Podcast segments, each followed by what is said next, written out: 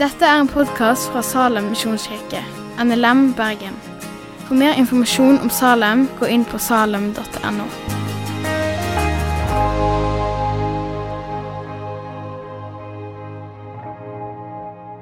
Jeg ber for deg, og så skal Ja. du få tale. Kjære Jesus, eh, vær med Eivind nå, skal tale til oss. Så må du gi han visdom og den innsikt som han trenger for å formidle videre fra ordet ditt til oss. Amen. Amen. Takk skal du ha.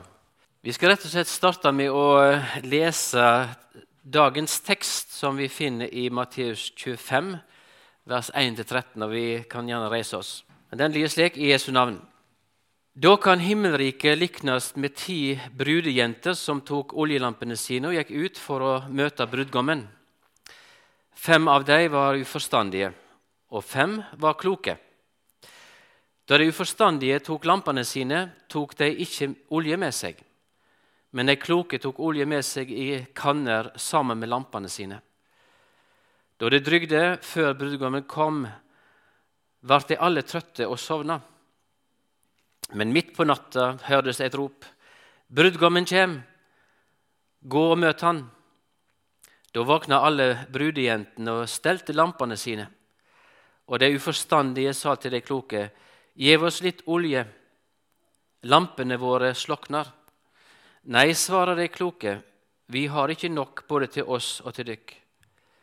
Gå heller til de som selger olje, og kjøp sjølve.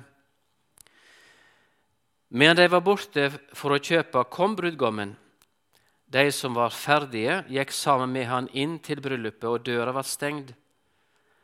Ei stund etter kom de andre brudejentene og sa, Herre, Herre, lat opp for oss. Men han svarer, sannelig, jeg sier dykk, jeg kjenner dykk ikke. Så vak da, for de kjenner ikke dagen eller timen. Himmelske Far, dette er ditt ord, ditt ord er sanning, må du helge oss i din sanning. Amen. Vær så god, sitt. Det er, som det var sagt av Trygve her innledningsvis, at det er domssøndag i dag, så kanskje er du modig som har kommet på møte. Jeg vet ikke hvordan du kjenner på det sjøl. Modig fordi dette med Jesu gjenkomst, det med dommens dag eh, Det at Jesus kommer igjen og holder en rettferdig dom over all urettferdighet og ugudelighet i verden. Den dagen når Gud skal sette et endelig punktum for sitt skaperverk slik som vi kjenner det, og den nye himmel og den nye jord skal åpenbares for oss. Den dagen når tilstanden er sånn at eh, for de som er med på bryllupsfeiringa, så skal det ikke være lidelse, død, ikke synd.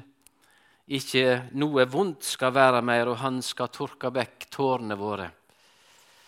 Jeg vet ikke hvordan det er med deg, men jeg sitter jo med en liten følelse av at denne forkynnelsen, undervisningen om disse tingene, har mer og mer forsvunnet ut av nesten vokabularet vårt i det kristne fellesskapet. Jeg håper jo ikke det er tilfellet, men jeg sitter litt anelse om at det, vi er blitt veldig dennisidige ofte i det vi ønsker å formidle, og det vi føler behov for å formidle. Mens eh, Bibelen er full av og faktisk Når jeg satt og forberedte, så slo det meg igjen hvor mye Jesus underviser om det, og hvor mye Bibelen underviser om disse tingene. Så jeg sleit faktisk med å finne ut hva skal en ta med. Hvordan skal en begrense det så får en plass til det innenfor rammen av en søndag formiddagstale her i Salem. Bare noen eksempel. I Lukas 12 så forteller jo Jesus om den rike bonden. Alle som har gått på søndagsskolen, kjenner jo disse beretningene.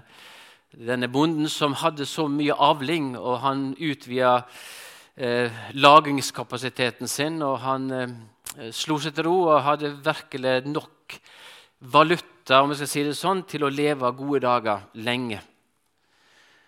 Han har investert riktig i denne verden, men Gud sier til han, uvitige menneske, i denne natt blir sjela di kravd av deg, eller krevd tilbake. Hvem skal da ha det du har samla? I Matteus 24 forteller Jesus om denne herren som skulle dra utenlands. Han setter en tjener til å passe på tjenestefolket sitt. Og denne Tjeneren har jo da fått mye makt og posisjon, så han utnytter den. og Det er jo en fare for mange som får makt og rikdom, at eh, en blir litt herskesyk. Og Det gjorde denne tjeneren òg, og han begynner å herje med tjenestefolket og slå dem. Og Jesu klare ord er at da skal Herren hans komme en dag han ikke venter, og en time han ikke vet av. Et eksempel til i Lukas 14 der Jesus forteller om denne store festen. Denne mannen som inviterer veldig mange til å komme på fest hos han. Eh, men så viser det at eh, alle som blir invitert, har noe viktigere som de er opptatt av.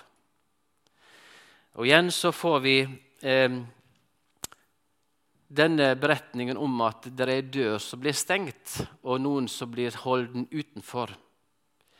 Og Vi kunne tatt mange eksempel, men gjennomgangstonen og temaet i de alle er dette at Jesus kommer tilbake synlig. Vi vet ikke når, men vår oppgave er å være forberedt på at en dag kommer han igjen, uansett hvor lenge det er til. Og Det er det Bibelen kaller for klokskap eller visdom og innrette livet sitt her. Ikke bare for det denne side, men at vi er forberedt på at Jesus en dag kommer igjen. Først og fremst for å hente seg brud, men også for å holde en rettferdig dom over denne verden. Og det er jo sånn Jeg sa innledningsvis at kanskje er du modig som har kommet i Salem. Og det er fordi at det, budskapet om disse tingene det vekker en av jeg sier, tre ulike reaksjoner. Hos noen vekker det frykt, angst. Og Det er faktisk ganske tydelige stemmer i dag som sier vi skal unngå å snakke for mye om disse tingene, for folk kan bli redde, og særlig barn kan bli redde. Men hos noen så vekker det glede, forventning, håp. Og så er det selvfølgelig de som er likegyldige til dette budskapet. Men det er ingen tvil om at uh, Guds ord ønsker oss å nå oss med et budskap som setter oss i en tilstand av glede og forventning når vi snakker om disse ting. Men budskapet har ulike og Jeg tenkte eh, hvordan skal en illustrere hvordan ett og samme budskap kan ha så totalt ulik reaksjon hos oss mennesker. Og jeg tenkte, Mona og meg vi passer jo av og til barnebarn for at foreldrene skal ut på et eller annet. De, enten er de på, skal ut på date, eller de har andre ting de skal ha for. Og vi skal passe deres barna, og det er leggetid. Og For noen da så er jo denne eh, lengselen etter mor og far den kommer mer og mer til uttrykk. Og kanskje kommer gråten. Når kommer mamma og pappa? Når kommer de? Og så er budskapet vårt da og Av og til så drar vi det kanskje litt snart, langt, at vi sier at de kommer snart. Og så er det kanskje to timer til de kommer. Det, men etter hvert så det nærmeste så kan vi mer og mer legge vekt i dette. De kommer snart. Hvis du legger deg og sover nå, og når du våkner i morgen tidlig, så er mamma og pappa her. Ikke alltid det funker heller, så det er først når mor og far er der, at de roer seg ned og sovner trygt.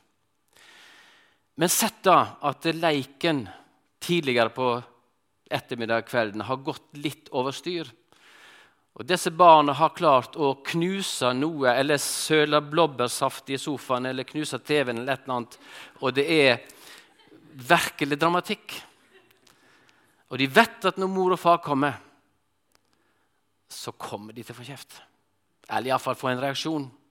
Iallfall det er frykten. Og når vi da sier 'mamma og pappa kommer snart', så vekker det en annen reaksjon hos dem. De henger med på det. sant? Og hva er det som har skjedd? Hva er det som er forskjellen? Jo, forskjellen er det at eh, samvittigheten har fått seg en knekk. Samvittigheten for at jeg har gjort noe galt, er vekt hos de. Har de ikke gjort noe galt, så lengter jeg etter mor og far. Har de gjort noe galt, så vekkes frykten. I Matteus 24 og 25 så samler Matteus eh, ganske mye av undervisningen eh, som Jesus har om endetiden, hans gjenkomst og hans dom som skal komme. Og Han underviser om kriger, han underviser om naturkatastrofer, om kjærleiken blant oss som skal bli kald, eh, om falske profeter som skal føre mennesket vill, om frafall ifra troen. Men så sier han sjå til at det ikke let dykk skremme. Ikke bli redd når alt dette skjer. Og I Lukas 21, 28 så heter det men når dette tek til å hende, skal det rette dykk opp og løfte hovedet, for da skal det snart settes fri. Og det siste, nest siste verset i Bibelen så heter det Han som vitner om dette, sier, Ja, jeg kommer snart. Amen. Kom, Herre Jesus. Så er spørsmålet da Hvordan kan jeg komme i en posisjon der jeg ikke trenger å være redd? Eller der jeg ikke trenger å være fylt av frykt, men har glede, forventning til at Jesus kommer igjen.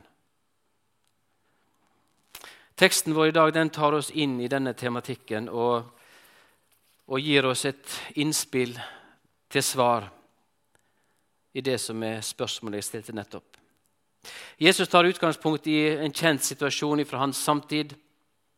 Det er faktisk veldig mye i bryllupstradisjonene på Jesus samtid som, som vi kunne snakket mye om i forhold til hele Jesu frelsesverk og hans eh, frelsesplan. Men her tar oss inn i det som skjer. Det var jo sånn at eh, brudgommen eh, gikk ifra sitt hjem og til huset der bruden var, for å hente henne. Og På veien der så var disse brudepikene eller brudjentene møtte han. Og den Vandringen skjedde ofte på natten, og de måtte ha lamper med. Eller oljelamper. Eh, det er sånne stokker så de hadde kveila ganske tett med tøystykke og dyppa i olivenolje, og de brant ikke så veldig lenge. Jeg leste et sted, jeg vet ikke om det er sant, men jeg leste et sted at de, de kunne brenne ca. 15 minutter. Om det er sant, tør jeg ikke si, men de måtte iallfall ha ganske mye olje med seg hvis de skulle vare hele natten. da, Det skjønner vi. Um, Bryllupsfeiringer stort sett over hele verden er fylt med glede og fest. Um, så det var forventning, det var eh,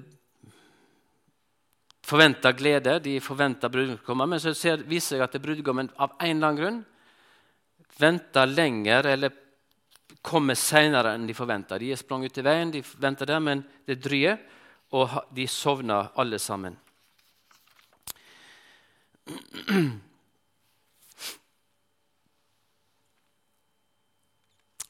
Og så forteller jo denne lignelsen som Jesus eh, forteller oss, at det, det er fem kloke og så er det fem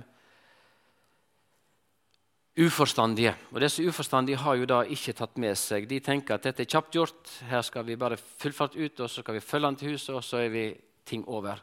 Mens de kloke hadde kalkulert med at dette hadde de ingen peiling på hvor langt de ville ta.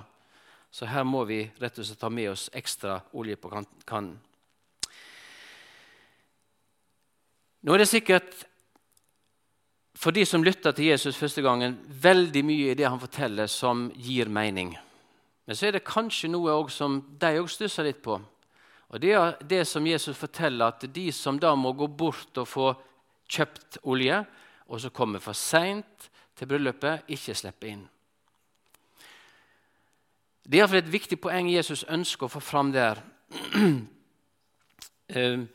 Med dette som heter å komme for seint.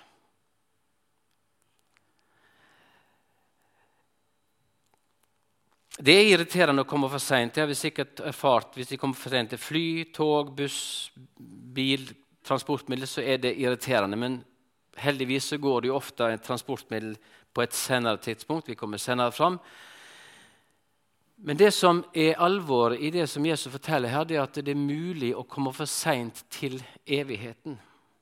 Når den døra er stengt, så er den stengt for evig. Og Det er noe av det alvoret som siger inn over oss i teksten vår og på den domssøndag, og som gjør at eh, Bibelen ber oss om å holde oss vakne. Så ikke det skjer at vi sovner inn. For det står i teksten hvor de som var ferdige, gikk sammen med han inn til bryllupet, og døra ble stengt. Det er Jesus som er brudgommen, og han kommer igjen, har vi understreka, for å hente sin brud, men òg for å holde dom. Og Da er det viktig at vi ikke sovner uten olje tilgjengelig på lampene våre. Jeg er klar over at Det er et veldig sånn, kanskje uforståelig kananspråk, så jeg skal prøve å ta dere inn i tematikken eh, via en litt annen vei. Og Vi skal begynne med det som er basic i vårt kristne budskap. Hva er det som gjør at jeg er en kristen? Eller hva er det som gjør meg til en kristen? Det kan være en sånn fin øvelse for oss alle. Det er hvis noen spør deg hva er det som gjør at du er kristen. At vi har tenkt igjennom det og tatt imot det. Hva er det som gjør at jeg er en kristen? Og Vi skal lese nå, Oddvin, for du få opp teksten på skjermen. Johannes 3, 16-18. Det gir veldig godt svar på det spørsmålet som jeg stilte her. For så elska Gud verda, at han gav Sønnen sin, den enbårne, så hver den som tror på Han, ikke skal gå fortapt, men ha evig liv. Gud sendte ikke Sønnen sin til verden for at han skulle døme verden. Det er hans første komme. Han kom ikke for å dømme verden, men for at verden skulle bli frelst ved han. Den som tror på Han, blir ikke dømt. Den som ikke tror, er alt dømt fordi han ikke har trodd på navnet til Guds enbårne sønn. Og dette er dommen. Lyset er kommet til verden, og mennesker elsker mørket mer enn lyset, for gjerningene deres var vonde. Den olje som Gud har gitt oss på våre lamper, om vi skal være i bildet, er troa på Jesus Kristus som min Herre og Frelser. Det er ikke bare en teori, men det er noe jeg har tatt imot. Det er noe som jeg får lov til å leve i.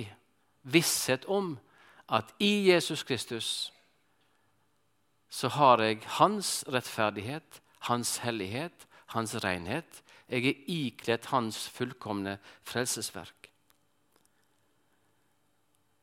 Romerbrevet 8,1 så står det så fins det nå inga fordømming for de som er i Kristus Jesus.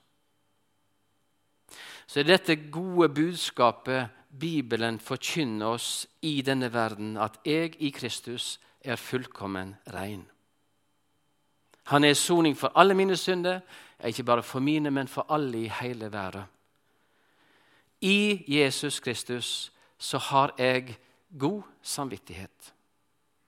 Jeg har en god samvittighetspakt med Gud i Jesus Kristus. Jeg trenger ikke være redd som et barn som har gjort noe galt. Nå kommer mor og far snart. For jeg eier tilgivelsen. Og det er det som er det viktige for meg å vite i livet mitt, at jeg eier hans rettferdighet for evigheten. Men så er det dette poenget også som kommer fra i teksten vår, at det dryer. Det tar tid. Og det å vente det er kanskje spesielt i vår tid noe som er veldig vanskelig for mange. Vi skal ha det sånn med en gang. Men så hvordan kan jeg holde meg vaken? Hvordan kan jeg holde fast på dette budskapet, som er selve kjernen i evangeliet? At jeg er frelst av nåde ved tru. Og kanskje det er mange som kjenner på det at det er ikke alltid like lett å holde fast på disse sanningene når jeg begynner å kjenne etter og føle etter i mitt eget liv. For jeg har tanker, jeg har ord, jeg har gjerninger som samsvarer så lite, kanskje, med det som jeg tror og vet, og min samvittighet forteller meg. Det er ikke vanskelig å peke på synder, på det som er galt i livet vårt. Det er ikke vanskelig å stå på en talerstol og få folk til å kjenne dårlig samvittighet. Det er en enkel sak for en som forkynner Guds ord. Og Da kan tvilen komme. Da kan den indre stemmen i livet mitt fortelle meg at nei, du må jo ikke tro at du fortjener nåden som er sånn.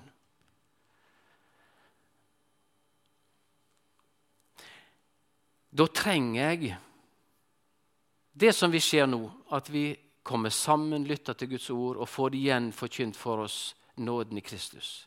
Jeg trenger det kristne fellesskapet som oppmuntrer meg, og som holder meg våken.